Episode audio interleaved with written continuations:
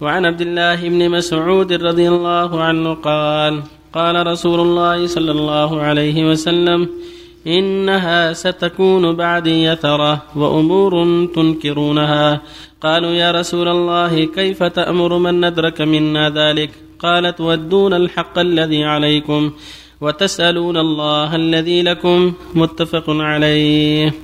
وعن أبي هريرة رضي الله عنه قال قال رسول الله صلى الله عليه وسلم من أطاعني فقد أطاع الله ومن عصاني فقد عصى الله ومن يطع الأمير فقد أطاعني ومن يعص الأمير فقد عصاني. متفق عليه. وعن ابن عباس رضي الله عنهما أن رسول الله صلى الله عليه وسلم قال من كره من أميره شيئا فليصبر فإنه من خرج من السلطان شبرا مات ميتة جاهلية متفق عليه. وعن أبي بكرة رضي الله عنه قال سمعت رسول الله صلى الله عليه وسلم يقول من أهان السلطان أهانه الله. رواه الترمذي وقال حديث حسن. وفي الباب أحاديث كثيرة في الصحيح وقد سبق بعضها في أبواب. وبالله التوفيق صلى الله بسم الله الرحمن الحمد لله وصلى الله وسلم على رسول الله وعلى آله وأصحابه. أما بعد هذه الأحاديث الأربعة كالتي قبلها في الحث على طاعة ولاة الأمور وعدم الخروج عليهم وعدم المنازعة. لما في ذلك من استتباب الأمن ونصر المظلوم وردع الظالم وقضاء حاجة المسلمين والقضاء على الفتن. ولهذا قال الله صلى الله عليه وسلم الناس ستكون بعدي أثرة وأمور تنكرونها. قالوا فما تأمرون رسول الله. قال أدوا الذي عليكم وسألوا الله الذي لكم. فالمؤمن يؤدي ما عليه من الحقوق ويسأل الله الذي له ولا يفتح باب فتنة. بل عليه السمع والطاعة في المعروف. حديث من خلع يدا من طاعة لقي الله ولا حجة له؟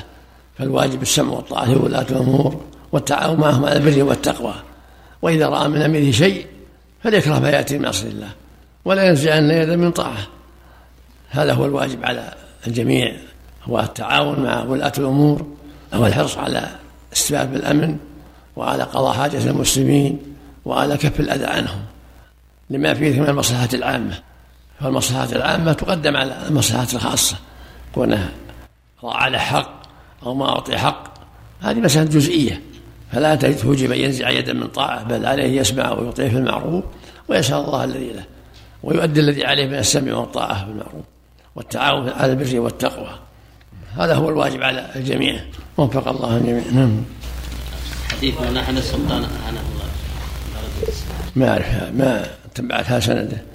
لكن مقتضى الأدلة ذلك لأن إهانته تنزل من قدره عند الناس تضعف شوكته يتساهل به الناس. فالواجب احترامه والتسمع الطاعة بالمعروف حتى يحترم حتى يهاب حتى يأمن الناس.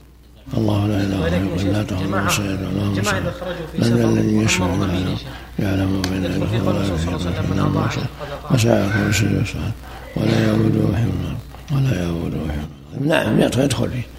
المقصود من تأمينه السمع والطاعة ليس الأمير الأمير لا المقصود المقصود السمع والطاعة المقصود من الإمارة السمع والطاعة حتى يتم أمرهم حتى يسيروا مطمئنين. بسم الله يقول الله أن الله الصلاة لم يلد ولم ولم يكن أصحاب رب ولا من شر ما من شر من شر له شبهة. صلي معه يقرص معه. لأن قول بعض أهل العلم أقول الناس أقول قول بعض أهل العلم لا بأس قول الناس ولك الناس لا الناس.